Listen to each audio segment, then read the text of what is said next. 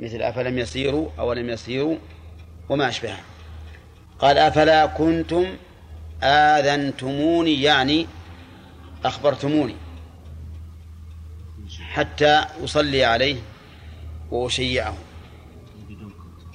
لعندنا كنتم. فقال فكأنهم صغروا أمرها أو أمره. يعني قللوا من شأنها وقالوا امرأة سوداء تقوم المسجد لا حاجة إلى أن نخبر النبي صلى الله صلى الله عليه وسلم بها. ولكنها في الواقع وإن كانوا قد صغروا أمرها فإنها عند الله ها كبيرة القدر. ومن ولهذا قال الرسول عليه الصلاة والسلام دلوني على قبره. يعني أو على قبرها فدلوه. فصلى عليها. يعني على قبره. وظاهر هذا الحديث أنه صلى عليها عن قرب أقل من شهر. وقد يكون في اليوم التالي الذي تلا موت هذه المرأة. لأنهم كانوا قد دفنوها في الليل. ثم قال لما صلى عليها إن هذه القبور مملوءة ظلمة على أهلها. مملوءة خبر إن. وظلمة إيش؟ تمييز. لأنه كل كل اسم من لأن كل اسم منصوب يأتي بعد ما يفيد التقدير فهو تمييز. كما في قوله تعالى ملء الأرض ذهبا ولو افتدى به قال إن هذه القبور مملوءة ظلمة على أهلها وإن الله ينورها لهم بصلاة عليهم. ينورها أي يجعل فيها نورا. وبصلاة عليهم الباء للسببية أي بسبب صلاة عليه وما المراد بصلاته عليهم؟ هل هي صلاة الجنازة أو المراد بها الدعاء؟ ها؟ إن نظرنا إلى قرينة الحال قلنا المراد صلاة الجنازة. لأن الرسول عليه الصلاة والسلام لم يفعل حين خرج ودلوه على قبره إلا أنه صلى. وإن نظرنا إلى كون الرسول عليه الصلاة والسلام يزور المقابر ويدعو لهم ويسلم عليهم قلنا المراد بالصلاة الدعاء. والله أعلم. هذا الحديث يستفاد منه الفائدة الأولى التي ساق المؤلف الحديث من أجلها هي الصلاة ها الصلاة على القبر. فإن النبي صلى الله عليه وسلم صلى على قبر هذه المرأة. ومن فوائد هذا الحديث عناية النبي صلى الله عليه وسلم بأصحابه وتفقده إياهم لقوله ففقدها. ومن فوائد هذا الحديث فضيلة تنظيف المسجد. لقوله كانت تقم المسجد ففقدها النبي صلى الله صلى الله عليه وسلم. ومن فوائد هذا الحديث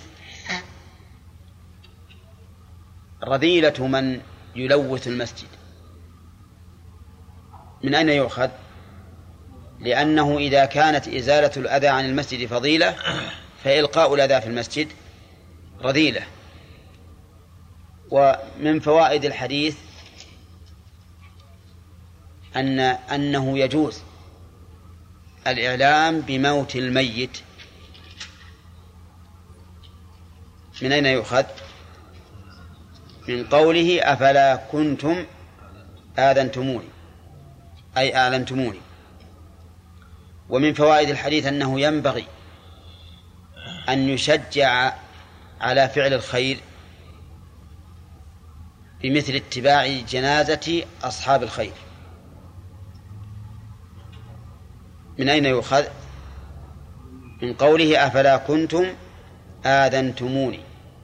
لأن هذه المرأة أو هذا الشاب ليس بينها وبين النبي صلى الله عليه وسلم صلة قرابة ولكن من أجل أنها كانت تعتني بالمسجد وتقمه فإن الرسول عليه الصلاة والسلام أراد أن يفعل ما فيه الحظ والحث على فعل الخير. في قوله أفلا كنتم آذنتموني. ومن فوائد الحديث أن النبي صلى الله عليه وسلم لا يعلم الغيب. من أين يؤخذ؟ أنه سأل ولو كان يعلم لعلم ماذا حصل لها وأنه قال أفلا أفلا كنتم آذنتموني يعني علمتموني ولو كان يعلم الغيب ما احتاج إلى إعلامهم.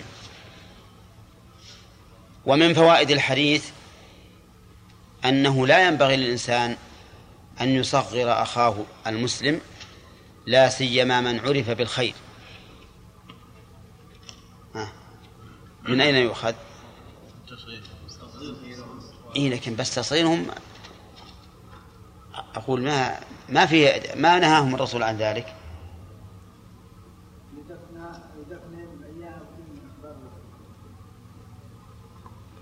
إي نعم. لكن هل الرسول عليه الصلاة والسلام أقرهم على هذا؟ قال هل لا كنتم اذنتمون؟ نعم. نقول إن إن تصغير شأن الإنسان أمر جبلت عليه الطبائع. لا بد منه. لا يمكن في الطبيعة أن يكون أرفع الناس مثل أنزل الناس.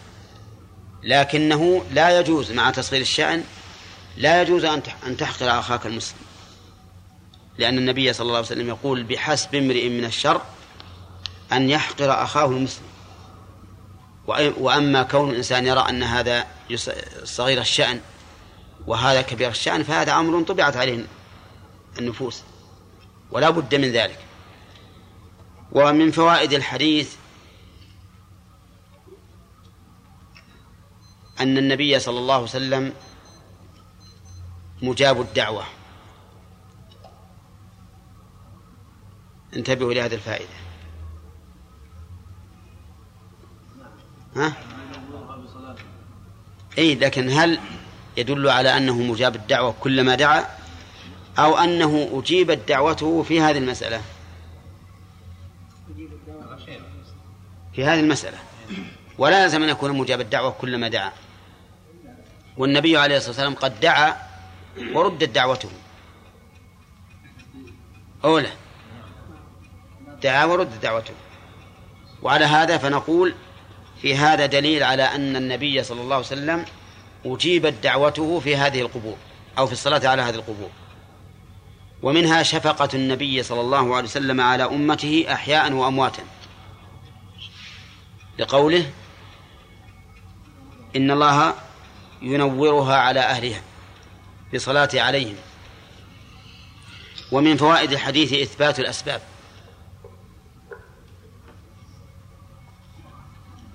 لقوله بصلاتي عليهم فإن الباء للسببية. ومن فوائده أيضا أن الدعاء من من الأسباب. وأما قول من قال إن الدعاء لا فائدة منه لأنه إن كان الشيء مقدرا فسيقع بدون الدعاء.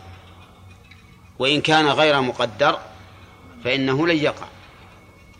فنقول لهذا الرجل إننا فنقول لهذا الرجل إنه مقدر ها بهذا الدعاء.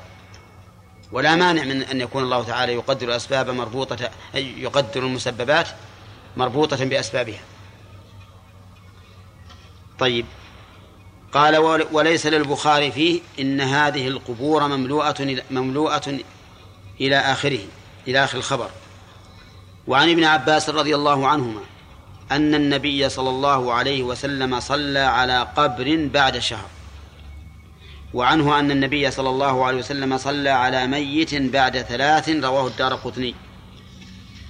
رواهما الدار قطني. ففي الحديث الأول دليل على جواز الصلاة على القبر بعد شهر. بعد شهر. إلى متى؟ ها؟ لا يقول بعد شهر صلى على قبر بعد شهر فظاهر أن أن الشهر قد مضى لكن إلى متى؟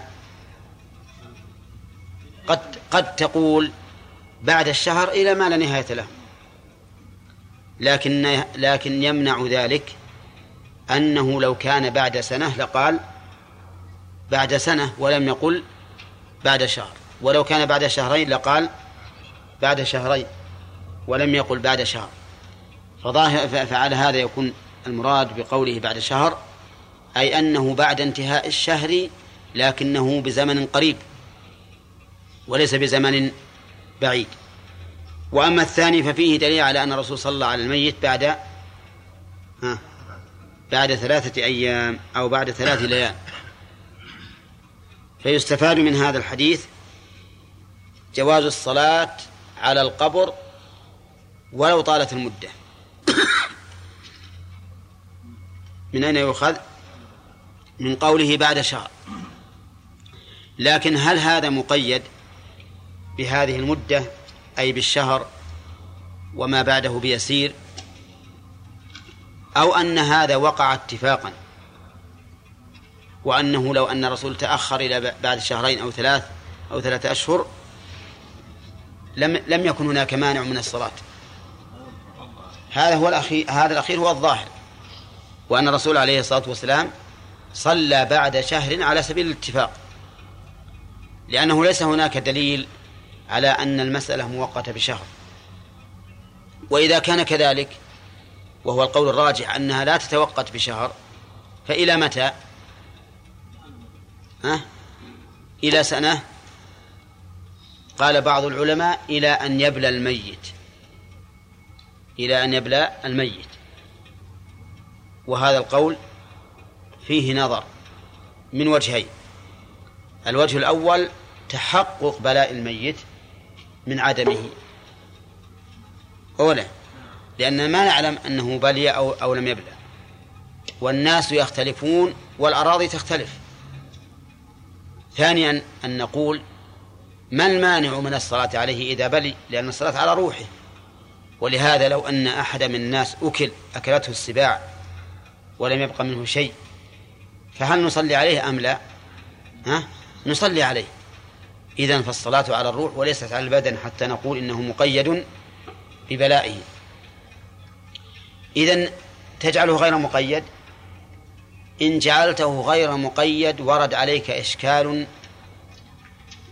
يحتاج إلى الفرار منه وهو أن نقول يشرع للناس اليوم أن يذهبوا إلى قبر النبي صلى الله عليه وسلم فيصلوا عليه صلاة صلاة, الجنازة وهذا لم يقل به أحد.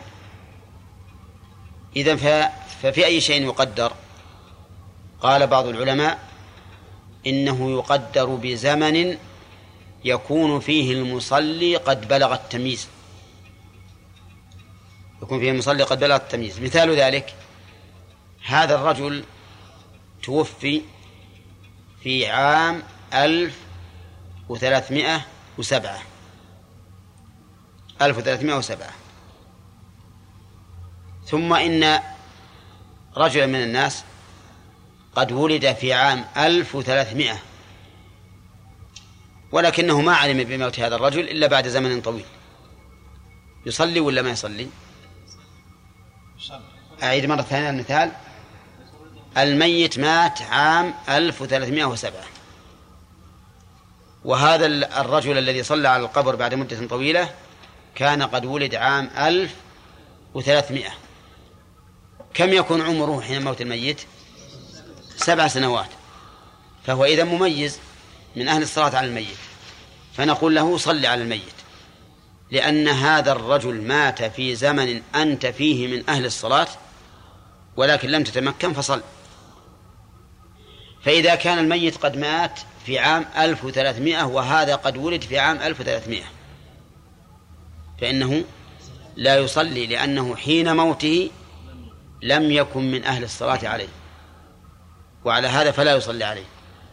وهذا القول ذكره ابن حجر في الفتح الباري وهو أقرب الأقوال في هذه المسألة أنه إذا كان هذا الميت قد مات وأنت في سن تكون فيها من أهل الصلاة فلا حرج أن تصلي عليه.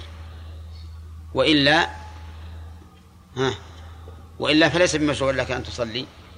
إذ لم يقل أحد من الناس إنه يشرع لنا الآن أن نصلي على قبور الصحابة أو على قبر النبي صلى الله عليه وسلم أو ما أشبه ذلك. نعم. ولو كان أباه حتى لو كان أباه وقد مات قبل أن يبلغ سن التمييز فإنه يدعو له بدون صلاة. إذا اصبر يا أخي. ها؟ إذا علم أنه لم يصلى عليه. لم يصلى على أحد إيه؟ هذا لا بد من الصلاة عليه.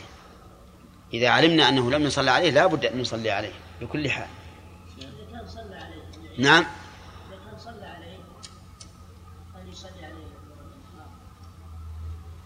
تقدم لنا أمس. أنه إذا كان تبعا فلا حرج. مثل أن يصلى عليه وأنت حاضر وأنت قصر عليه من قبل فتدخل مع الجماعة لا حرج عليه. نعم. لا بأس يصلي معك. هنا. نعم. ما أيضا يجب على هذا المصلي ان يعرف هذا الميت يعني رآه سابقا كل لا. صلى عليه النبي اما أنه حضر من سفر كان لا. ما هو بشرط. يعني ليس بشرط إني أعلم بس لابد أن يكون مسلما المصلى عليه. نعم. شوي يعني الراجح إن الصلاة ليمنع على القبور؟ زول الظلام عنهم الصلاه المعروفه صلاة الجنازة ولا الدعاء نعم. اياتهم والله في احتمال ما يترجح عندي شيء. فبالقرينة يظهر أنها صلاة الجنازة. لما مثلا ما يصير لو صلى يعني صلاة الجنازة يصير اللي ما صلى عليهم الرسول معناته قبورهم. اي إلا إذا دعا لهم. لكن من الجائز أن الرسول لما صلى على هذا الرجل أو على هذه المرأة أنه دعا لبقية القبور. تبعية. وعن سعيد؟ نعم.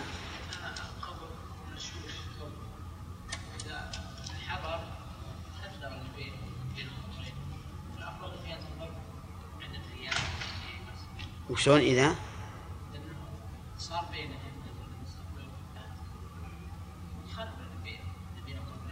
يخرب. يعني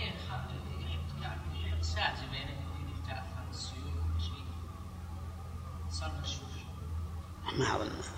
ما أقول ما أظن هذا. هذا بسيط. يعني ما فيه إلا موضع القدم وإلا يتأخر. ولو حال ولو حال قبر آخر بينه وبينه. إيه، عن القبر هذا. وينويه لهذا أو لهما جميعا أيضا إذا كان ما صلى على الأول. ويستفاد من هذا الحديث أيضا. صلى على على قبر بعد شهر. أنه أن الرسول عليه الصلاة والسلام لا يعلم الغيب لأنه ما علم به. أو نقول يحتمل أنه قد قدم من سفر أو نحو ذلك فلا يكون في هذا دليل. وعن سعيد بن المسيب أن أم سعد ماتت والنبي صلى الله عليه وسلم غائب فلما قدم صلى عليها وقد مضى لذلك شهر رواه الترمذي. هذا الحديث ماذا نقول عنه باعتبار المصطلح؟ ها؟ مرسل. لماذا؟ لأن سعيد بن المسيب لم يح... لم يدرك النبي صلى الله عليه وسلم. قال فلما قدم صلى عليها وقد مضى لذلك شهر فيكون هذا دليلا على ما دل عليه حديث ابن عباس. وفيه أيضا أنه يصلى عليه بعد الشهر مع أن الفقهاء يقولون يصلي إلى تمام شهر ومن بعده لا يصلي. فالأحاديث هذه تدل على جواز الصلاة بعد الشهر لكنه عن قرب. طيب هل هل يكون في صلاته على القبر كصلاته على الجنازة الحاضرة؟ الجواب؟ نعم. هذا هو الأصل. فيكبر أربع تكبيرات ويصف من كان خلفه كما يصفون على الجنازة كما تقدم. من سعد سعد بن معاذ ولا بن عبادة. إي نعم. إما ابن عبادة ولا ابن معاذ؟ ما تبي تتكلم عليه في الشرح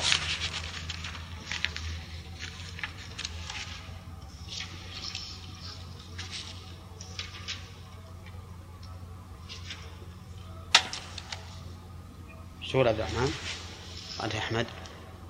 ما ذكر شيء؟ أم سعد.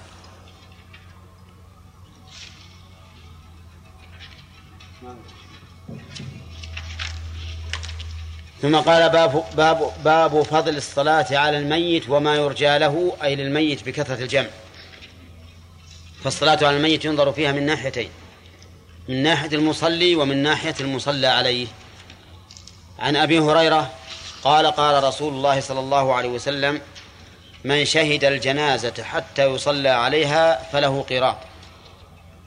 شهد بمعنى حضر. وقول شهد حتى يصلى عليها. من من متى شهدها؟ من بيت أهلها كما جاء ذلك مصرحا به في رواية أخرى. إذا شهدها من بيت أهلها حتى يصلى عليها فله قراط. ولكن الفقهاء أو شراح الحديث اختلفوا في كونه يشهدها من بيت أهلها حتى المصلى. هل هذا من باب الوسائل؟ فيعتبر شهوده تكميلا فقط أو هو من باب المقاصد وأنه لا بد أن يشهدها من بيتها وأنه لو شهدها في المسجد فقط لم يكتب له هذا الأجر.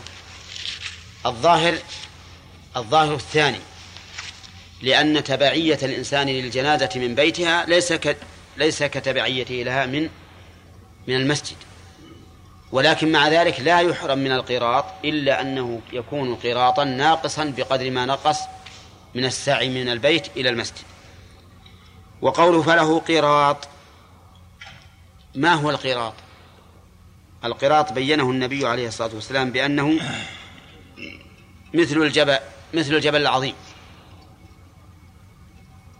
وقال بعض العلماء إن القراط جزء من أربعة وعشرين جزءا. ولكن هذا ليس بصحيح.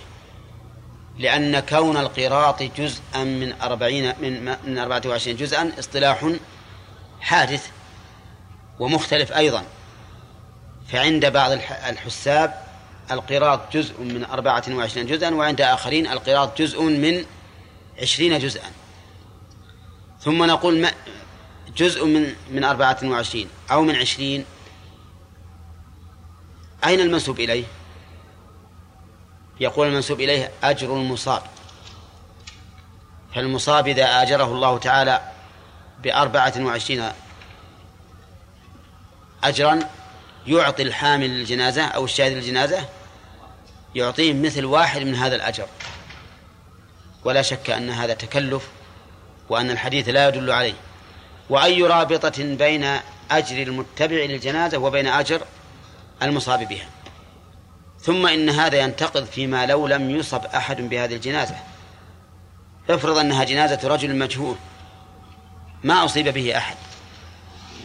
فهل هذا يحرم من الأجر الذي يشهدها حتى يصلى عليها؟ لا.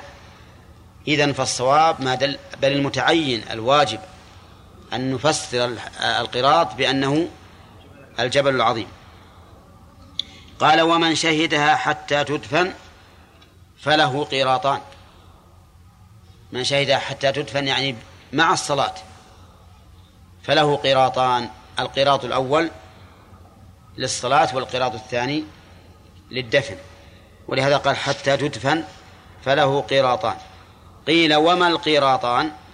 قال مثل الجبلين العظيمين متفق عليه ولأحمد ومسلم حتى توضع في اللحد بدل تدفن. نعم. وقد ورد في صحيح مسلم أن أصغرهما مثل مثل أحد. وهذا يدل على عظم على عظم الأجر لمن اتبع الجنازة. ولما حدث ابن عمر رضي الله عنهما بهذا الحديث قال لقد فرطنا في قراريط كثيرة كثيرة فما رؤي بعد ذلك إلا متبعا للجنازة. لأن هذا أجر عظيم. من فوائد هذا الحديث فضيلة شهود الجنازة حتى يصلى عليها. ومن فوائده جواز الانصراف بعد الصلاة دون أن يخرج إلى المقبرة. من أين يؤخذ؟ من قوله حتى يصلى فهذه الغاية. ومن فوائد الحديث أيضا فضيلة شهود الجنازة حتى تدفن وأن لمن شهدها حتى تدفن قيراطين. وهل نأخذ بما دل عليه لفظ البخاري ومسلم وأحمد أو بما دل عليه الرواية الثانية لأحمد ومسلم؟ يعني بمعنى هل الإنسان يستحق القيراطين بمجرد أن توضع في اللحد أو لا بد من الدفن؟ لا شك أن نأخذ بالزائد. وهو وهو الدفن. فنحن نرجح أن. أن أن لفظ الحديث أن الحكم معلق بالدفن. نرجح أن الحكم معلق بالدفن من وجهين. الوجه الأول أن هذا قد اتفق عليه البخاري ومسلم وأحمد. وأما حتى تضاف اللحد فقد انفرد به مسلم وأحمد. الوجه الثاني أن قوله حتى تدفن فيه زيادة والزيادة لا يمكن إغفالها فيكون ال- المعتبر الدفن قال المؤلف وفيه دليل فضيلة اللحد على الشق كيف كيف ذلك؟ منين يؤخذ؟ حتى توضع في اللحد طيب لو قال قائل إن هذا بناء على الأغلب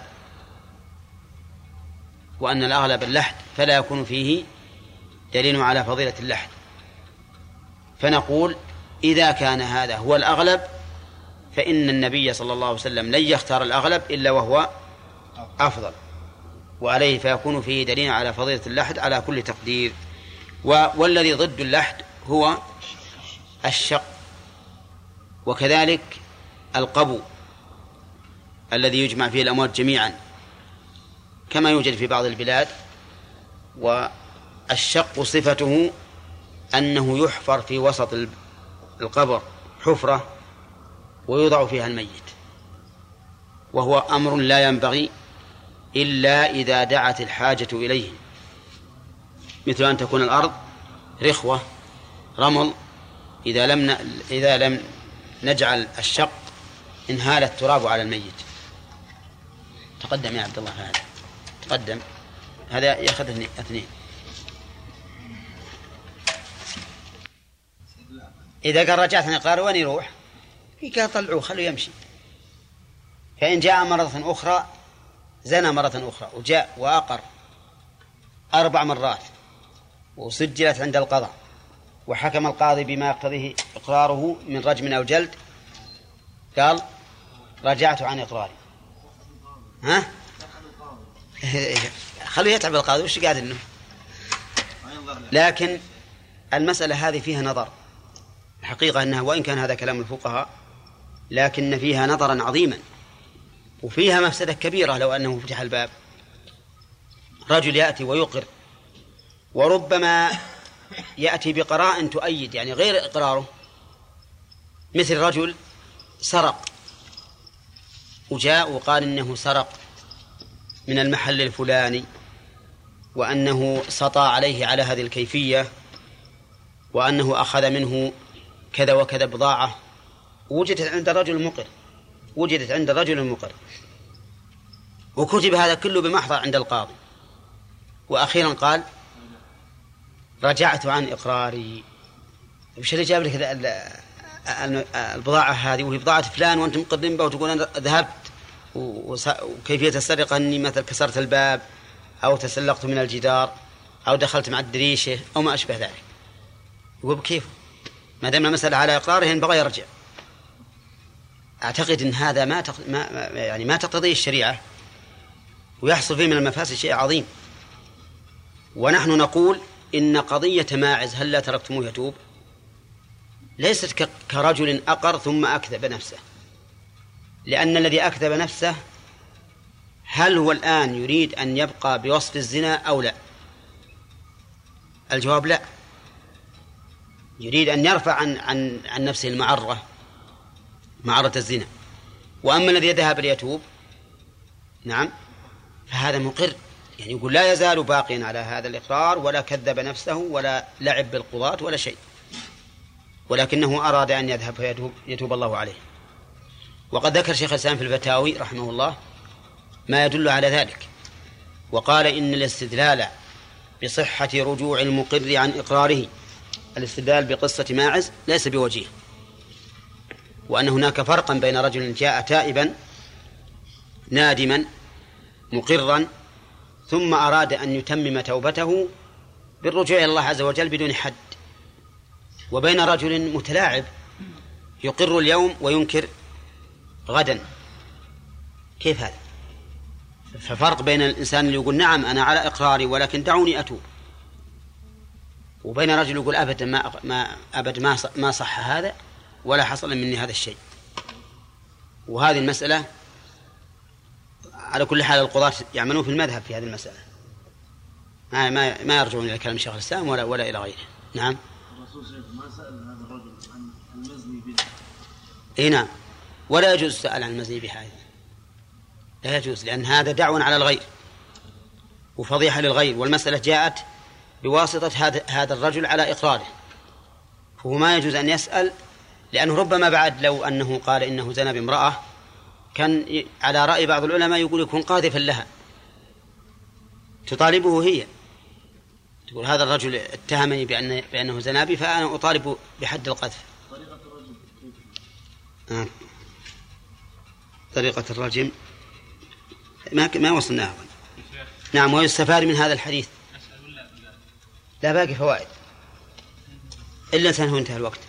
أنا تقول سمعت ها؟ خلاص ناخذ ناخذ ها؟ نعلم أن النبي صلى الله عليه وسلم ترك الصلاة على أحد إلا على الغال وقاتل نفسه. الإمام أحمد رحمه الله يقول ما نعلم وهكذا ينبغي للإنسان في جانب النفي أن لا يجزم به ولكن ينفي العلم لأن ذلك أسلم له وأقرب إلى الصدق. إذ أن الإنسان لا يمكن أن يحيط بأقوال الناس حتى يعلم أنه ليس في المسألة, في المسألة قول. فحينئذ يتعين عليه أن يقول ما نعلم. ولهذا سنعقب على كلام الإمام أحمد هذا. لأننا نعلم أن الرسول صلى الله عليه وسلم كان لا يصلي على من ترك دينا على من عليه دين ولم يترك له وفاء. وبهذا نعرف أن قول الإمام أحمد ما نعلم ما نعلم. سليم. لكننا نحن نعلم أن الرسول يترك الصلاة على من عليه دين ليس له وفاء حتى أفاء الله عليه. وصار يقضي الديون عن المدينين. ويصلي عليهم وقوله إلا على الغال كما سبق في قصة الذي غل من منين؟ من الغنيمة في غزوة خيبر. وقاتل نفسه الذي قتله قتل نفسه بمشاقص. وعلى هذا فالمقتول في حد يصلى عليه. والمقتول في ردة. مقتول في مقتول. قتل في ردة. ليش؟ آه لأنه قتل كافرا والمقتول في قطع طريق. يصلى عليه لأنه قتل في حد. والمقتول قصاصا يصلى عليه. طيب. ثم قال باب. ثم قال المؤلف الصلاة على الغائب بالنية وعلى القبر. إلى شهر. قوله إلى شهر يشمل المسألتين جميعا الغائب والقبر. الغائب يصلى عليه بالنية إلى شهر وعلى القبر كذلك إلى شهر. واعلم أن الغائب ومن دفن إما أن لا يصلى عليه إطلاقا أو يصلى عليه ثم يريد أحد من الناس أن يصلي عليه تطوعا. فهاتان مسألتان. أما المسألة الأولى فإنه لا ريب أنها لا تتقيد بشهر. إذا لم يصلى عليه إطلاقا.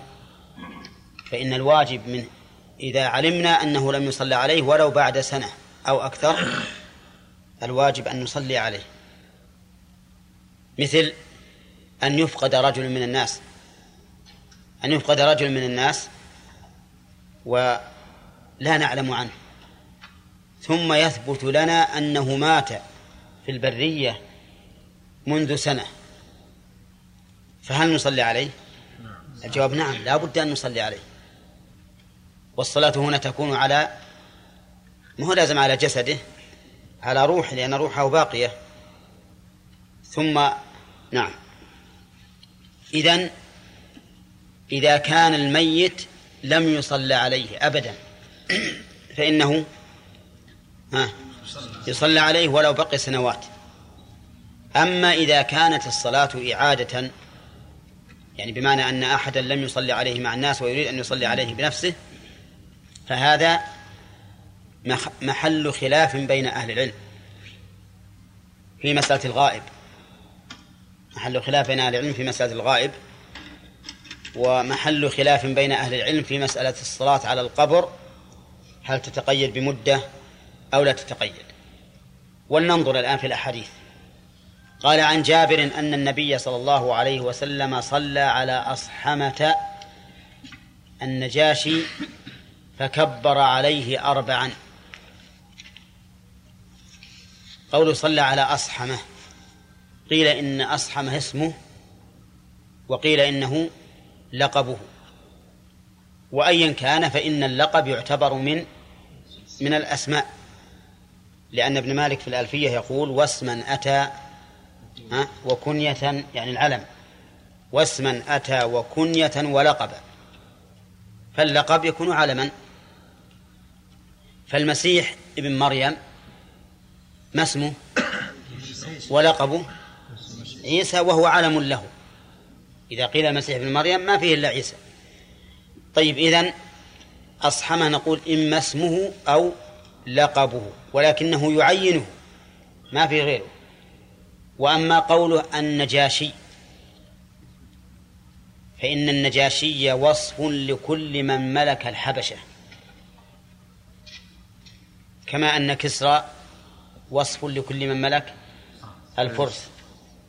وهرقل قيصر لكل من ملك الروم وفرعون لكل من ملك القبط والعزيز لكل من ملك مصر. هكذا قال بعض أهل العلم. لكن صلى عليه فكبر عليه أربعا. كبر عليه أربعا كسائر الجنائز. النجاشي في الحبشة. والنبي صلى الله عليه وسلم في المدينة فكيف علم بذلك؟ علم بذلك عن طريق الوحي. أوحى الله تعالى إلى رسوله صلى الله عليه وسلم بأن أصحمه النجاشي قد مات ثم صلى عليه. فيستفاد من هذا الحديث الصلاة على الغائب لأن النجاشي غائب بالنسبة للرسول صلى الله عليه وسلم. وهل هذا مشروع؟ الجواب نعم لأن النبي صلى الله عليه وسلم فعله. والأصل فيما فعله النبي عليه الصلاة والسلام أنه أنه سنة. لأن سنة الرسول صلى الله صلى الله عليه وسلم إما قوله أو فعله أو إقراره. فما فعله على سبيل التعبد فهو مشروع. فيستفاد منه مشروعية الصلاة على الغائب ويستفاد منه ثبوت رسالة النبي صلى الله صلى الله عليه وسلم لأنه علم بذلك عن طريق إيش؟ الوحي ويستفاد منه فضيلة النجاشي لأن الله أطلع نبيه عليه على موته وأذن له بالصلاة عليه وسيأتي أيضا آه، فضائل له من وصف الرسول عليه الصلاة والسلام بأنه أخو الصحابة وأنه صالح وما أشبه ذلك. بقي علينا المسألة الأولى مشروعية الصلاة على الغائب. هل هي مشروعة لكل غائب أو مشروعة للغائب الذي لم يصلى عليه؟ أو مشروعة للغائب الذي له شرف وسيادة؟ في هذا خلاف بين أهل العلم. فمن العلماء من يقول إن الصلاة على الغائب مشروعة في كل ميت مهما كان. فإذا علمنا أن شخصا مات بمكة فإننا نصلي عليه هنا حتى لو كان من عامة الناس. عرفتم؟ وبناء على ذلك رأى بعض أهل العلم من عند نفسه أنه ينبغي للإنسان إذا أراد أن ينام كل يوم أن يصلي صلاة الجنازة وينويها على كل من مات من المسلمين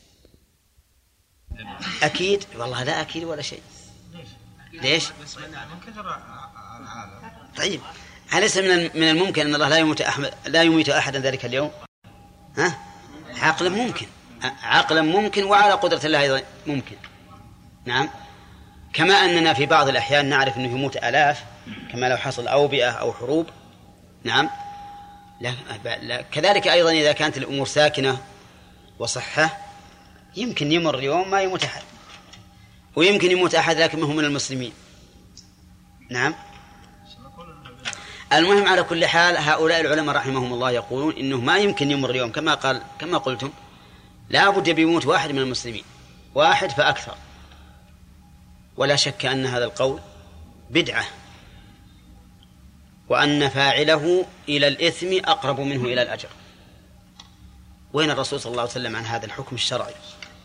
وين الصحابة عن هذا الحكم الشرعي؟ نعم. الرسول صلى الله عليه وسلم ما يعلم من هذا مشروع؟ ها؟ إن قلت نعم لا. وصمته بالجهل. وإن قلت يعلم وصمته بالكتمان. وعدم العمل وكلاهما سيء. ولهذا نقول هذا القول مطرح ولا ولا عبرة به. القول الثاني أنه لا يصلى على على غائب أبدا إلا للضرورة. والضرورة ألا. ألا نعلم أنه صلي عليه. ألا نعلم أنه صلي عليه. ففي هذه الحال نصلي عليه لأن الواجب على المسلمين أن يصلوا على من مات من المسلمين. فإذا مات هذا في بلد لم يصلي عليه لم نعلم أنه صلي عليه فإن الواجب علينا أن نصلي عليه. وهذا اختيار شيخ الإسلام ابن تيمية. وقال إن دليل ذلك هو أن الرسول عليه الصلاة والسلام لم يصلي على أحد سوى النجاشي. والنجاشي مات في أرض الحبشة. وصلاة الجنازة قد تكون قد تكون مجهولة عند من أسلم منهم. ومن لم يسلم فإنه لن يصلي. والأصل عدم المشروعية حتى نعلم أنها مشروعة. ويدل لذلك أن الرسول عليه الصلاة والسلام كان يموت في حياته أناس كثيرون في غير المدينة. ولهم شرف وجاه ولم يصلي عليهم. ويدل لذلك أيضا أن النبي صلى الله عليه وسلم ما صلى عليه المسلمون إلا في المدينة. وهو أشرف من يصلى عليه. ما صلى عليه أهل مكة ولا صلى عليه أهل الطائف ولا صلى عليه كل من كان جوار المدينة. والصحابة رضي الله عنهم والخلفاء الراشدون يموتون ولم ولم يصلى عليهم. ولو كان هذا مشروعا لسنه النبي صلى الله عليه وسلم لأمته أو سنه الخلفاء الراشدون. كم هذا من قول؟ قولان متقابلان. القول الثالث قول وسط. يقول إذا كان الإنسان ذا نفع للمسلمين بعلمه أو ماله أو جاهه وهو مشهور بين الناس فإنه يصلى عليه. مكافأة له على ما عمل من الإحسان إلى المسلمين. وتشجيعا لغيره من الأحياء أن يعملوا مثل عمله. وقالوا إن النجاشي صلى عليه الرسول عليه الصلاة والسلام لأنه ملك صالح. آوى المسلمين في الهجرة. ولا لا ودافع عنهم. فانتفع المسلمون به فكان من جزائه أن الرسول صلى الله عليه وسلم يصلي عليه. قالوا ويبعد أن لا يكون أحد من المسلمين هناك لا يعرف الصلاة عليه أو أنه لم يصلى عليه. وهذا القول كما ترى قول جيد وفيه جمع بين الأدلة لكنه عندي لا يقوى على أن تكون هذه العبادة مشروعة. لأن الاحتمال الذي قاله شيخ الإسلام ابن تيمية نعم استدلاله قوي جدا فإنه قد مات من الصحابة من له غناء من فيه غناء للمسلمين ومصلحة للمسلمين وما صلوا عليه. فالصواب عندي ما اختاره شيخ الإسلام ابن تيمية أنه لا يصلى على غائب مطلقا إلا من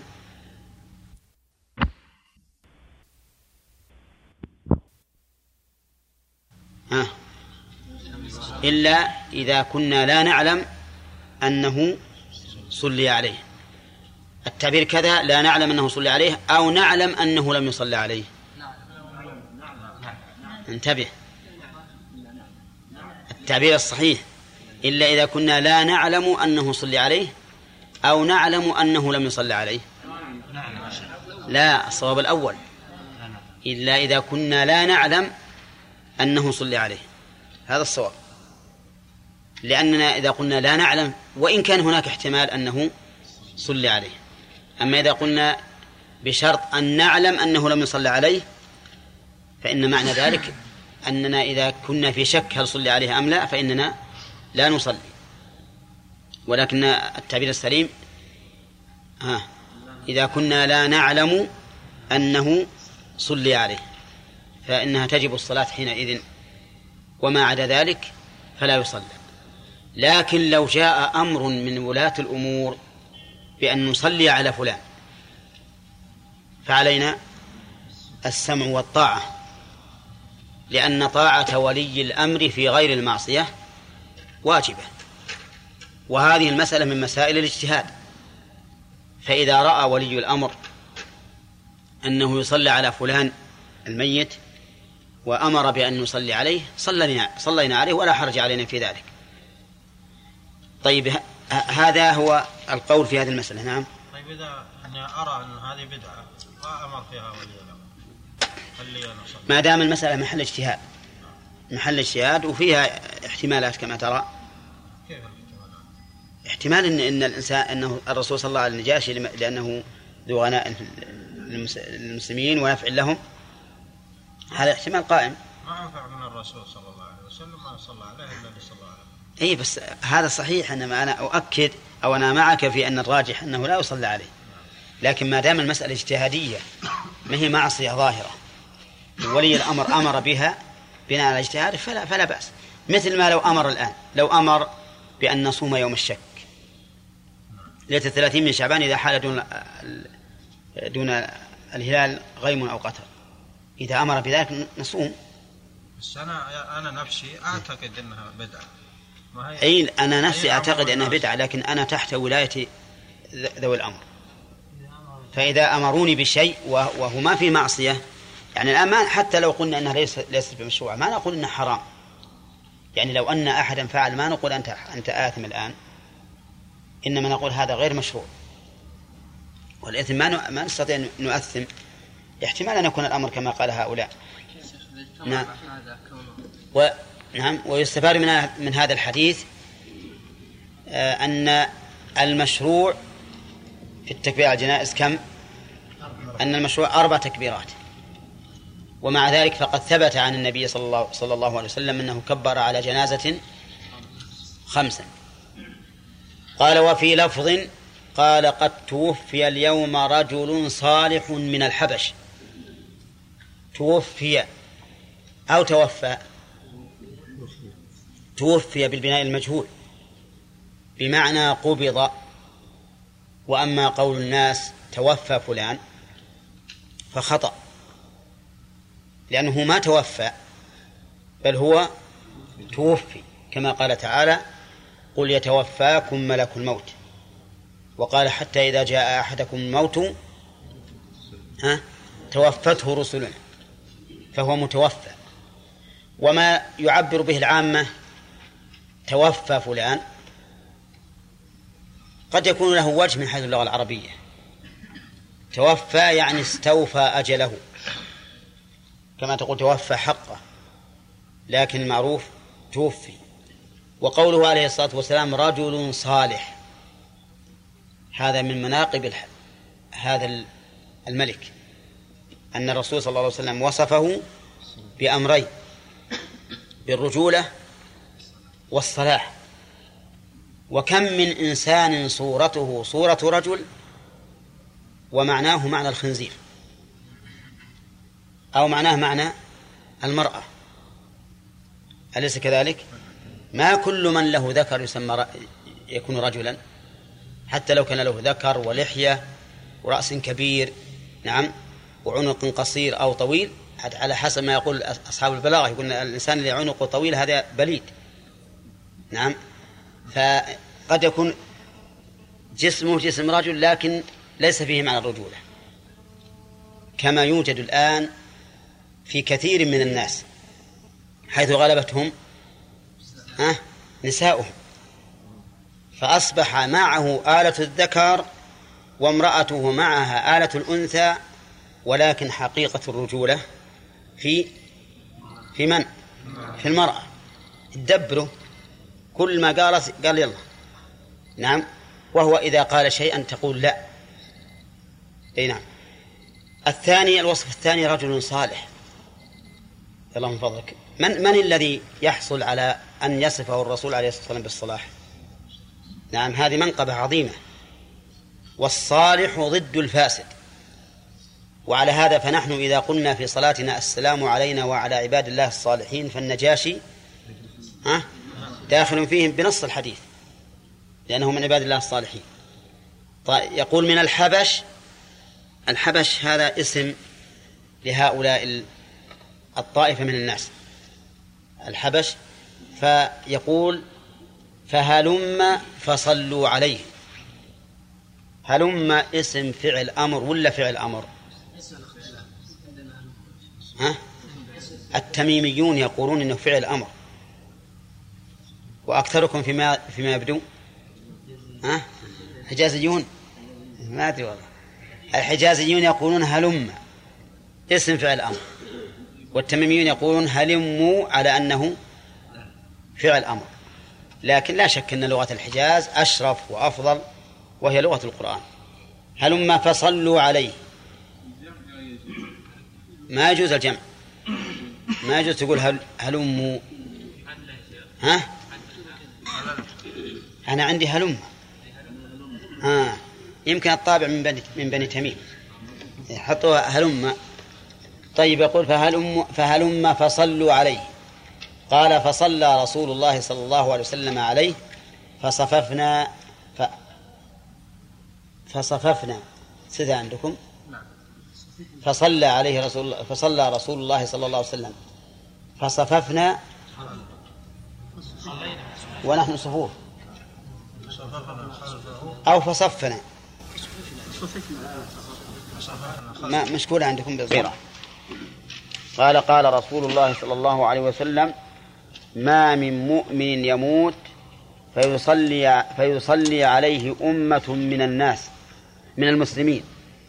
يبلغون أن يكونوا ثلاثة صفوف إلا غفر له. فكان مالك مالك بن هبيرة رضي الله عنه يتحرى إذا قل أهل الجنازة أن يجعلهم ثلاثة صفوف رواه الخمسة إلا النسائي. أولا هذا الحديث فيه شيء من الضعف لأنه من رواية محمد بن إسحاق وقد عن عن وهو معروف بماذا؟ بالتدليس. والمدلس إذا عنعن يكون حديثه ضعيفا إلا إذا صرح بالتحديث فيبقى النظر في حاله هو هل هو من أهل الثقة أم لا. والحديث يقول ما من ميت يموت ما من مؤمن يموت فيصلي عليه أمة من المسلمين. أمة. والأمة هي الجماعة. والغالب أنها تكون في الجماعة الكثيرة. لكن هنا قيدها. قال يبلغون أن يكونوا ثلاثة صفوف. وإذا أخذنا بأقل ما يمكن صار عدد هذه الأمة ستة. ستة لأن ثلاثة صفوف ستة رجال. نعم ستة رجال. اثنين واثنين واثنين. وإن قلنا بأنه لا بد أن ينفرد الإمام بمكانه صاروا سبعة. صاروا سبعة. الإمام وثلاثة خلفه على اثنين اثنين. لأن أقل الصفوف كم؟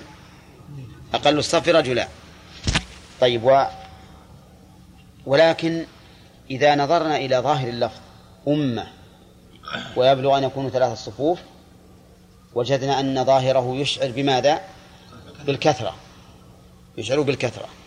وعليه فيكون المراد ثلاث الصفوف معتدلة ليست من الصفوف الطويلة ولا من الصفوف القصيرة.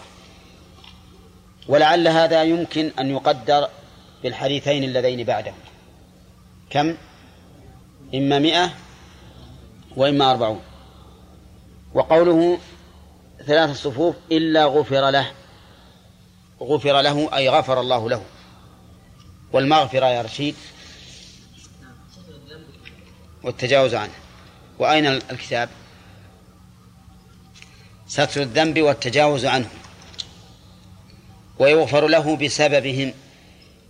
ففي الحديث هذا دليل على أن كثرة الجمع سبب للمغفرة بالنسبة للميت. ودليل على ثبوت الأسباب. وأنها تفعل وتؤثر في المسببات لقوله إلا غفر له. ومن فوائد الحديث إن صح هذا العمل عن مالك كان مالك إذا إذا قل أهل الجنازة كان يتحرى أن يجعلهم ثلاثة صفوف. ولننظر في هذا الاجتهاد من مالك هل هو موافق أو اجتهاد مخالف. إذا نظرنا إلى السنة وجدنا أن هذا الاجتهاد مخالف لها. كيف ذلك؟ لأن النبي صلى الله عليه وسلم أمر بتكميل الصف الأول فالأول بل إذا نظرنا إلى هذا الحديث نفسه وجدنا أن هذا الاجتهاد مخالف له. لأن الحديث ليس فيه ليس فيه ما من, مسلم ما من مؤمن يموت فيصلي عليه ثلاثة صفوف. قال يصلي عليه جماعة يبلغون أن يكونوا ثلاثة صفوف. فإذا بلغوا أن يكونوا ثلاثة صفوف وإن لم يصفوا ثلاثة صفوف حصل هذا الأجر. وعلى هذا فيكون هذا الاجتهاد ليس ب... ليس بمصيب. من وجهين. الوجه الأول أن لفظ الحديث لا يدل عليه. والوجه الثاني أنه خلاف ما أمر به النبي عليه الصلاة والسلام من تكميل الصف الأول فالأول. وقد سبق لنا أن أن النبي صلى الله عليه وسلم قصد أن يكون المصلون على الجنازة أن يكونوا إيش؟ صفوفا. صفوفا حيث صفهم حينما صلى بالنجاشي. وإذا كانت المصافة مقصودة فإنه يمشى فيها على ما دلت عليه السنة من تكميل الصف الأول فالأول. هذا على ما في الحديث من ضعف وهو عن عنة محمد ابن إسحاق. وعليه فإذا جاءت جنازة وفيها ومعها تسعة رجال مثلا والصف يسعهم. هل نجزئهم؟ ونقول أرجعوا حتى تكونوا ثلاثة أو لا؟ لا. السنة تقتضي ألا نفعل. وإن كان بعض أهل العلم تابع مالك بن هبيرة على على ذلك. وقال إنه ينبغي إذا نقصوا أن يجزئهم ثلاثة صفوف. لكن كما رأيتم الأمر أو كما رأيتم هذا الاجتهاد ليس في محله. وعن عائشة رضي الله عنها عن النبي صلى الله عليه وسلم قال ما من ميت يصلي عليه أمة من المسلمين. قوله ما من ميت هذا على تقدير وصف محذوف. ما هو؟ ها؟ أي مسلم. ما من ميت مسلم. لأنه لا يمكن أن يصلي أحد من المسلمين على ميت كافر وحتى لو فرض أنهم صلوا عليه فإنهم لا يشفعون له. لأن الله يقول في الكفار فما تنفعهم شفاعة الشافعين. وحذف النعت جائز إذا دل عليه الدليل. قال ابن مالك وما من المنعوت والنعت عقل يجوز حذفه وفي النعت يقل. نعم هذه ترى عبارة أخص من عبارتك التي تريد أن تقولها. وحذف ما يعلم جائز. هذه قاعدة عامة وحذف ما يعلم جائز لكن إذا وجدنا كلاما أخص فلنأخذ به. طيب يصلي عليه أمة من من المسلمين يبلغون مئة. يبلغون مئة. هذا صريح بأنه لا بد أن يبلغوا هذا العدد. ي... نعم يبلغون مئة كلهم يشفعون له إلا شفعوا فيه. كلهم يشفعون له. كيف يشفعون له؟ لأن الذين يصلون على الميت يشفعون له. ماذا يقولون؟ يقول اللهم اغفر له وارحمه إلى آخره. وقوله إلا شفعوا فيه أي قبلت شفاعتهم فيه. والذي يشفعهم فيه من؟ الله عز وجل لأنه هو الذي بيده الأمر. يستفاد من هذا الحديث أنه ينبغي كثرة الجمع على الجنازة لما يرجى من شفاعتهم. ثانيا أنهم إذا بلغوا مئة نعم فإنهم يشفعون فيه.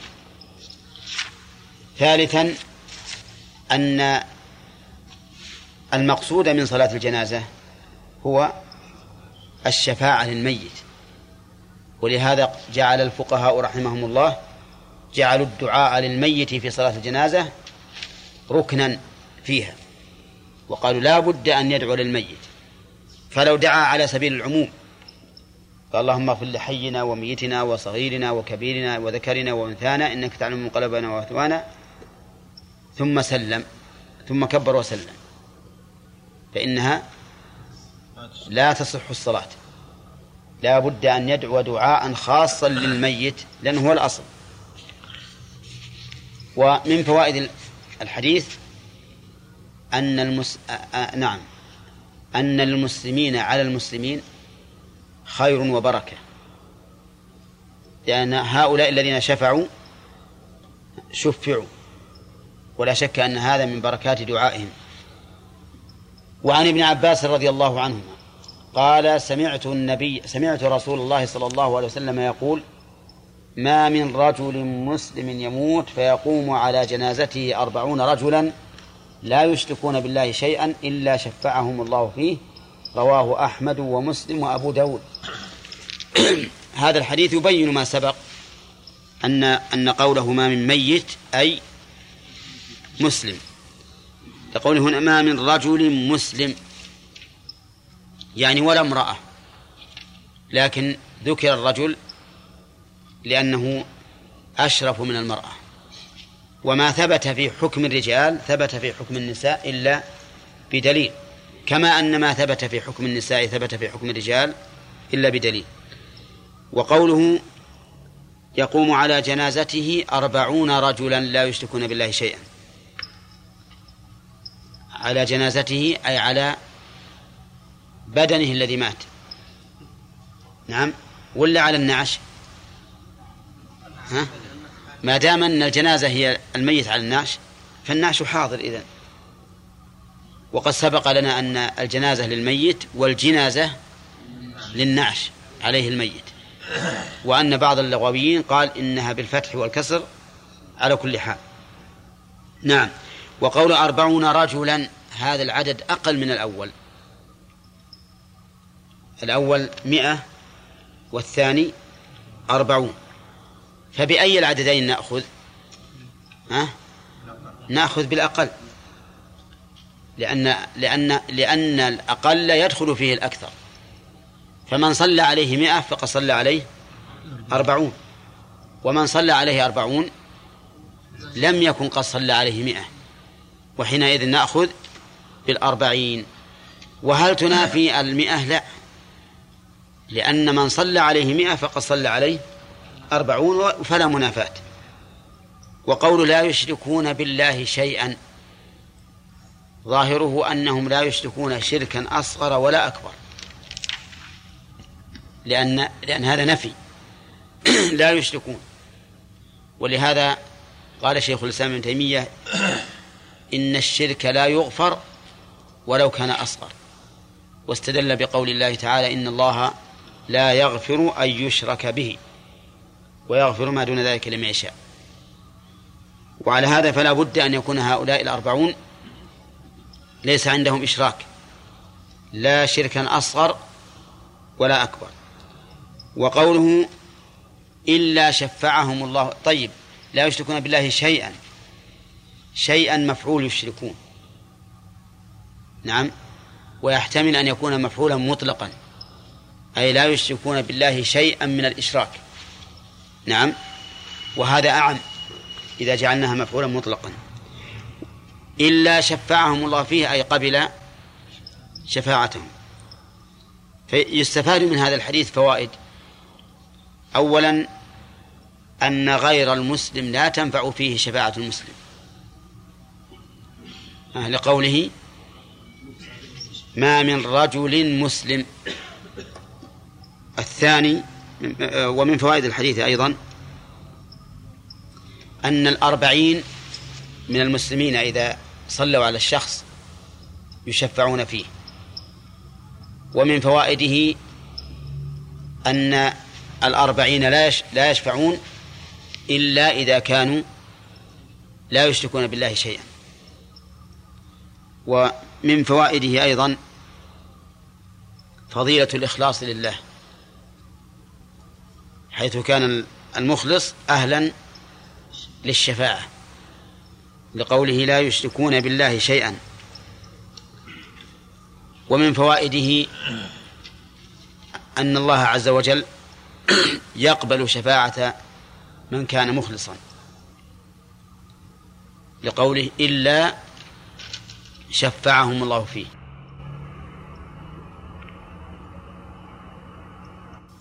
ثم قال وعن أنس أن هنا قيد الأربعين بعد نعم. خلاف الحديث الأول. نعم. إي نعم. إذا أن نقول ان إن الأربعين لا بد أن لا يشركوا بالله شيئا. وأما الأول المئة فظاهره أنهم يشفعون وإن كان فيهم شيء من الشرك الذي لا يخرجهم عن الإسلام. بس قول الشيخ هل هل هذه قاعدة مضطردة؟ كون نأخذ بالأقل إذا ورد عددين أكثر وأقل لا قد نأخذ بالأكثر لأن يكون معه زيادة علم فإذا كان في الإثبات فخذ بالأكثر. وإذا كان في النفي فخذ بالأقل. لا لا. لا لأن لأن هنا الأربعين والمئة. المراد أنك إذا إذا كان العدد الأصغر يدخل في الأكبر فهو من باب النفي. بمعنى أن أن المئة ما تنفي الأربعين. المئة ما تنفي الأربعين. لأنها تدخل فيها. لكن إذا إذا إذا ورد مثل حديث فيه زيادة عدد لشيء من الشروط مثل شروط التوبة ولا شروط غيره فلا بد أن نأخذ بالعدد بالعدد الزائد. مر علينا قبل قبل يومين في هذا. هل هذا يعد جمع الإجماع؟ ها؟ هذه الطريقة الأخيرة. أي نعم. كوننا نأخذ بالأقل لأنه يدخل فيه الأكثر وزيادة. نعم. هل يعد جمعا بينها؟ أي نعم. لأننا نقول إذا صلى عليه مئة شفعوا فيه كذا؟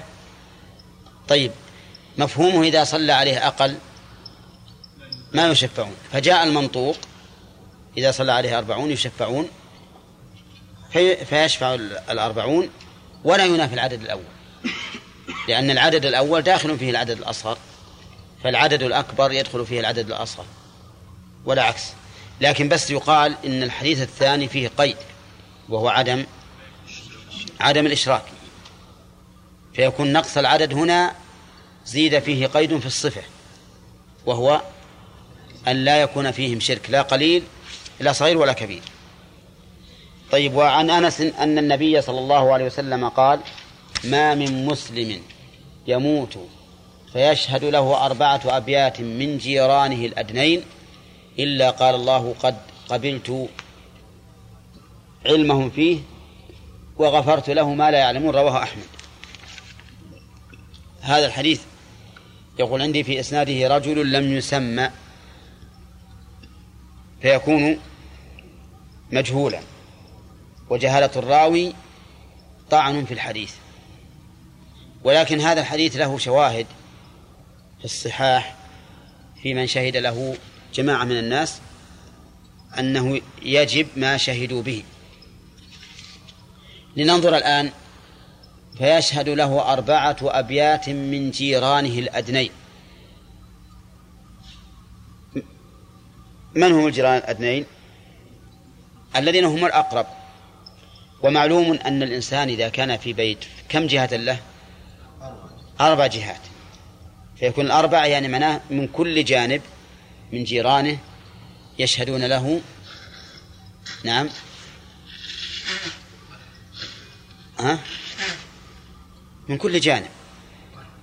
من كل جانب واحد أربعة. إذا شهدوا له بالخير فإن الله تعالى يقبل شهادتهم فيما علموا ويتجاوز عما لم يعلموا. طيب فإن شهد له من جيرانه الأبعد. أما الأدنى فلا يشهد له. ها؟ لا يدخل في الحديث. لأن الأدنى أقرب إلى معرفة حاله من الأبعد. فالأبعد قد يغتر بظاهر الحال ولا يعرف الباطن. بخلاف الأدنى فإنه أكثر أكثر علما من الأبعد. وما دام الحديث قد قيده بوصف يصح أن يكون علة وسببا فإنه يجب الاقتصار فيه على ما جاء به النص. نعم. آه، في حديث النبي صلى الله عليه وسلم أنه كان ماشي جنازه قالوا كذا كذا فقال النبي صلى الله عليه وسلم وجبت نعم. الحديث هذا لكنهم من بعيد ما هو تقصير. اي أي ناس يشهدوا عليه؟ نعم نعم. طيب. إحنا كلامنا على الحديث اللي معنا. ولا والحديث اللي ذكرت هذا أيضا صحيح. حديث عمر. وقال الرسول عليه الصلاة والسلام لهم أنتم شهداء الله في الأرض. ولكن هؤلاء ما مهم مهم من من هذا من هذا الحديث. نحن نتكلم على هذا الحديث نفسه. فنقول هذا يدل على أن الجيران الأبعدين ما يقبل إذا كان الجيران الادنين لا يثنون عليه. أما ما ذكرت فإنه لا معارض له. أثنوا عليه بدون معارضه ثم قال باب ما جاء في كراهة النعي. ما هو النعي؟ الإخبار بموت الميت. عن ابن مسعود رضي الله عنه عن النبي صلى الله عليه وسلم قال إياكم والنعي فإن النعي عمل الجاهلية.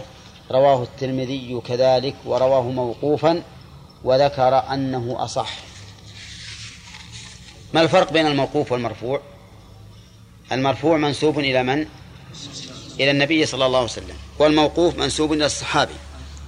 وعلى هذا فيكون أصح أن هذا من قول ابن مسعود.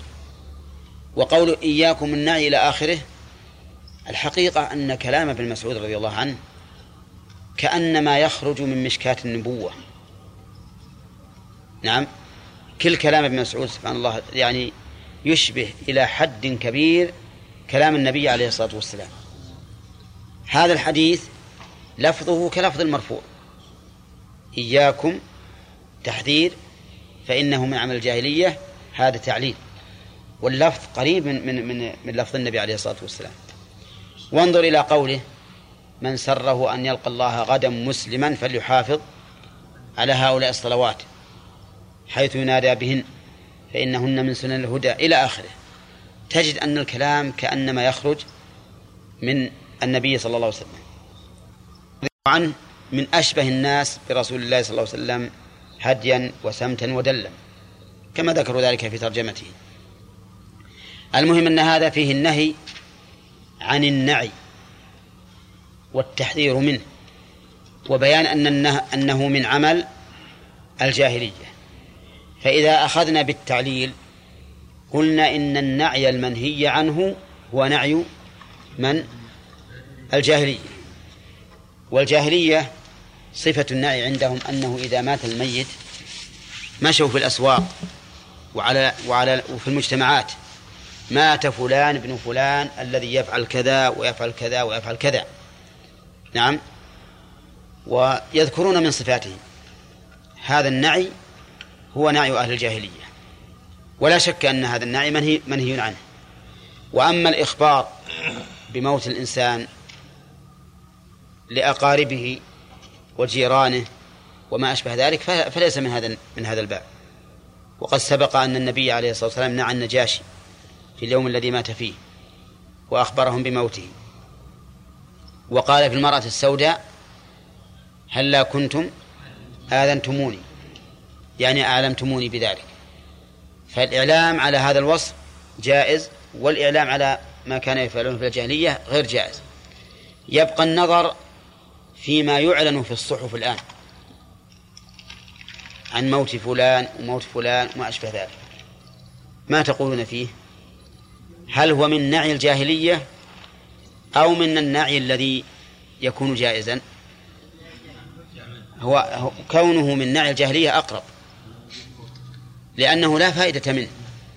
أما النعي الذي فعل الرسول عليه الصلاة والسلام ففيه فائدة وهو أنه يصلى على الميت ويكثر الجمع. وأما هذا ليس فيه فائدة. ما فيه إلا الإطراء. هذه من جهة. من جهة أخرى فيه إضاعة للماء. وش الإضاعة لأنهم يقولون إن الصحيفة تأخذ قروش على هذا. نعم. ربما تأخذ فلوس كثيرة إذا حطوا مثلا في حرف كبير. نعم. فلهذا يكون هذا من نعي الجاهلية. وأما التحدث عن الميت بذكر تاريخه وحياته فإن هذا جائز ولا غير جائز؟ جائز لكن لا ينبغي أن يكون حين موته أو في أيام موته لأنه يخشى أن يكون من النعي أو شبيها به. والله أعلم. جاء في كراهية النعي كراهية وكراهية. أي في أنه مكروه. والنعي هو الإخبار بموت الميت. وقد تقدم الكلام على أول حديث منه. ها؟ نعم. نعم. وبينا أن النعي قسمان.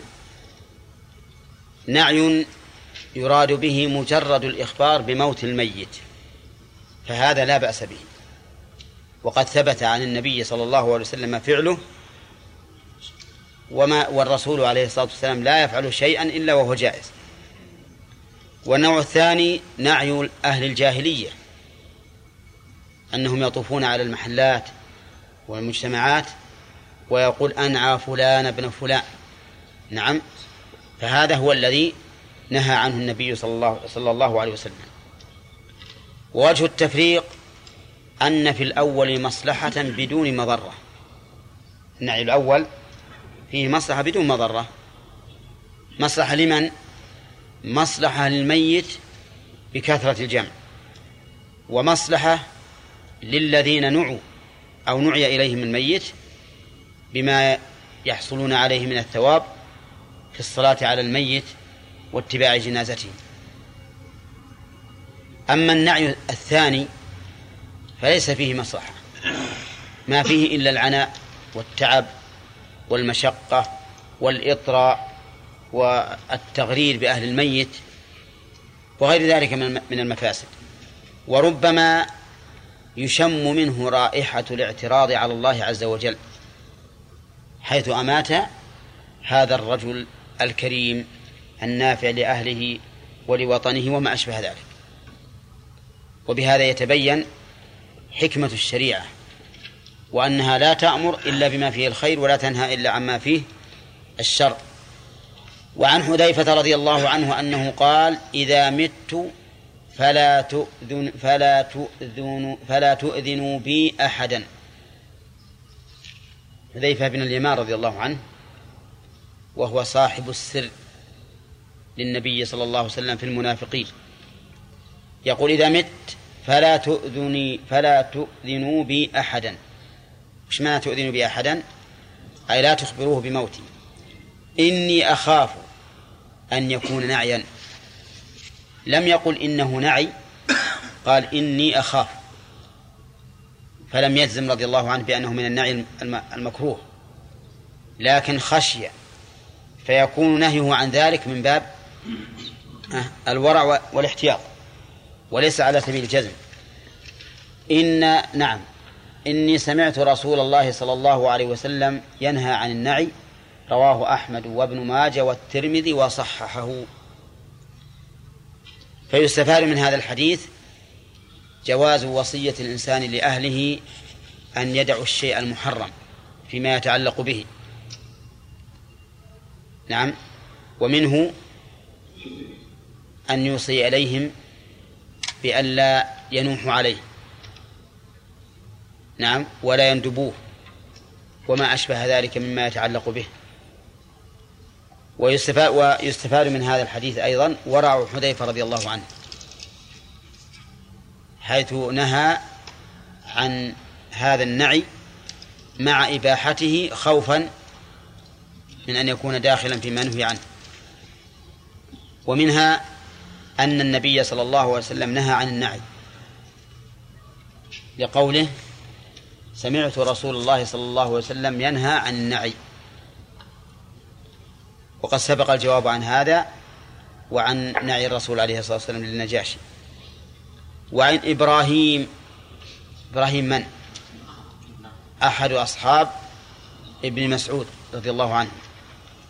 وإبراهيم النخعي هذا عنده من علم الفقه أكثر مما عنده من علم الحديث.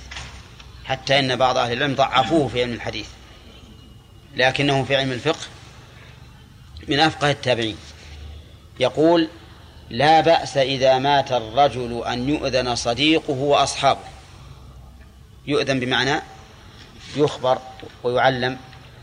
إنما كان يكره أن يطاف في المجالس فيقال أنعى فلانا. فعل أهل الجاهلية. يعني يفعلون فعل أهل الجاهلية. وهذا الذي ذكره إبراهيم النخعي هو الفقه وهو الصحيح. ومنه أي من النعي أن يكتب في في الصحف وفي المجلات مات فلان وما أشبه ذلك. وقد سبق أن هذا يقترن أيضا بمحذور آخر في الغالب وهو تزكية الميت. حتى إنهم يكتبون يا أيتها النفس المطمئنة ارجعي إلى ربك راضية مرضية فادخلي في عبادي وادخلي جنتي. مع أنه قد يكون هذا الميت ها من أفجر عباد الله. وليست نفس وليست نفسه نفسا مطمئنة بل هي نفس خبيثة. وقال وعن أنس قال قال رسول الله صلى الله عليه وسلم أخذ الراية زيد فأصيب. ثم أخذها جعفر فأصيب. ثم أخذها عبد الله بن رواحة فأصيب.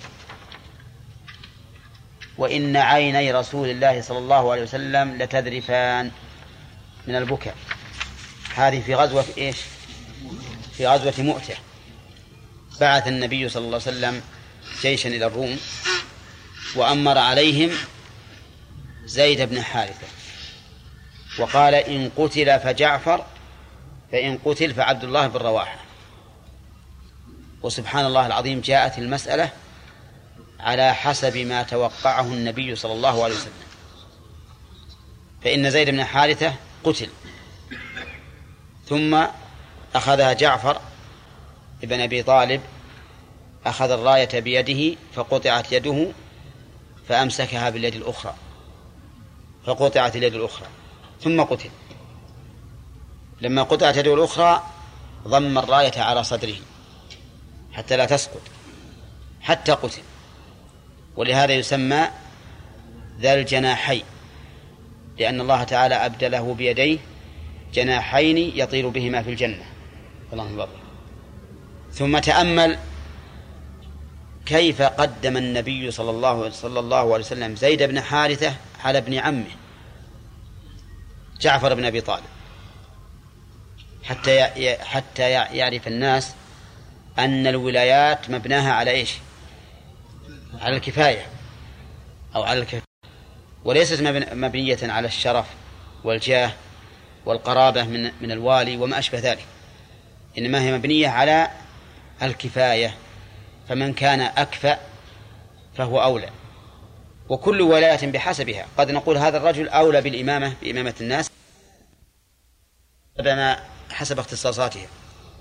وقد ورد في الحديث التحذير من أن يولي الإنسان على عباد الله شخصا وفيهم من هو أولى منه في هذه الولاية.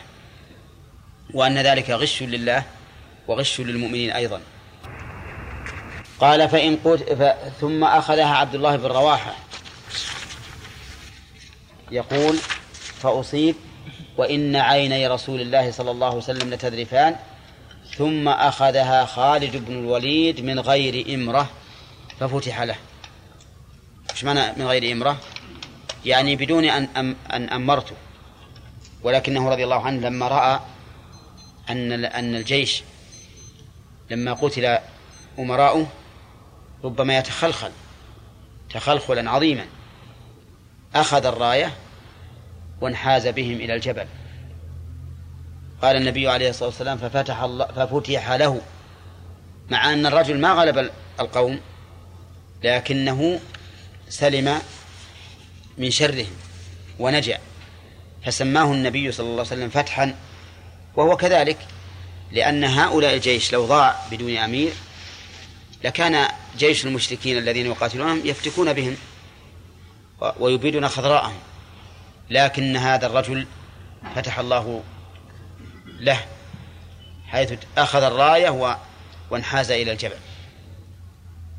وقد وصفه النبي عليه الصلاة والسلام بأنه سيف الله. فهو رضي الله عنه عنده من الحكمة والخبرة في شؤون الحرب الشيء الكثير. الشاهد من هذا الحديث في هذا الباب أن النبي صلى الله عليه وسلم أخبر بموتهم. ولا لا؟ وهذا من النعي. لكنه من النعي المباح. لأنه مجرد إخبار بموتهم فقط وليس كنعي الجاهلية. يستفاد من هذا الحديث فوائد. أولا جواز تعليق الولايات. منين يؤخذ يا خالد؟ إن قتل. فإن قتل فعبد الله بن رواحة ويستفاد منه أن الأمر قد يأتي على حسب ما يتلفظ به الإنسان. لأنه وقع كما توقعه النبي عليه الصلاة والسلام. وقد يقال إن هذا أي, أي, أي إنما تكلم به الرسول عليه الصلاة والسلام ليس على سبيل التوقع بل هو على سبيل الوحي. وأن النبي صلى الله عليه وسلم أعلم بأنه سيقتل زيد ثم جعفر ثم عبد الله بن رواحة. عرفتم؟ وليس هذا من باب التوقع. ولهذا لا ينبغي للإنسان أن يتوقع الشر لأن من توقع شيئا وقع به. ولهذا يقول الشاعر احفظ لسانك أن تقول أو احذر لسانك أن تقول فتبتلى. إن البلاء موكل بالمنطق. ورويت هذه الجملة عن أبي بكر رضي الله عنه. إن البلاء موكل بالمنطق. وهذا لا لا يبعد أن يكون صوابا كما في قصة السلام كما في قصة الشيخ الكبير عليه الصلاة الله الذي اي خلي آه، في قصة الشيخ الكبير الذي زاره النبي عليه الصلاة والسلام وقالوا لا بأس طهور. فقال ها بل حما تفور. على شيخ كبير تزيره القبور. فصار الأمر كذلك. فالإنسان ينبغي له أن لا يتوقع إلا الخير ولا يحسن بالله ولا يحسن ولا يظن بالله إلا الأحسن. ويستفاد من هذا الحديث إذا قلنا بأنه ليس من باب التوقع يستفاد من هذا الحديث ثبوت رسالة النبي صلى الله عليه وسلم. وأنه جاءه الوحي. ويستفاد منه شفقة النبي صلى الله عليه وسلم على أمته. لأن عينيه كانتا تذرفان وهو يتحدث عن هؤلاء. ويستفاد منه أيضا ثبوت الوحي بطريق آخر غير الذي ذكرته قبل قليل وهو أن الرسول علم بهم مع بعد المسافة. ويستفاد منه جواز تصرف الإنسان وإن لم يؤمر بالتصرف إذا دعت الحاجة إلى ذلك. نعم. من يؤخذ من فعل خالد الذي أقره النبي عليه الصلاة والسلام وأثنى عليه حيث قال ففتح له. ولهذا قال العلماء لو مات ميت في مكان ليس فيه حاكم ولا وصي فإن من حوله من المسلمين يجب أن يستولوا على يستولوا على تركته. وأن يتصرفوا فيها بما هو أصلح. بدون وصية. لماذا؟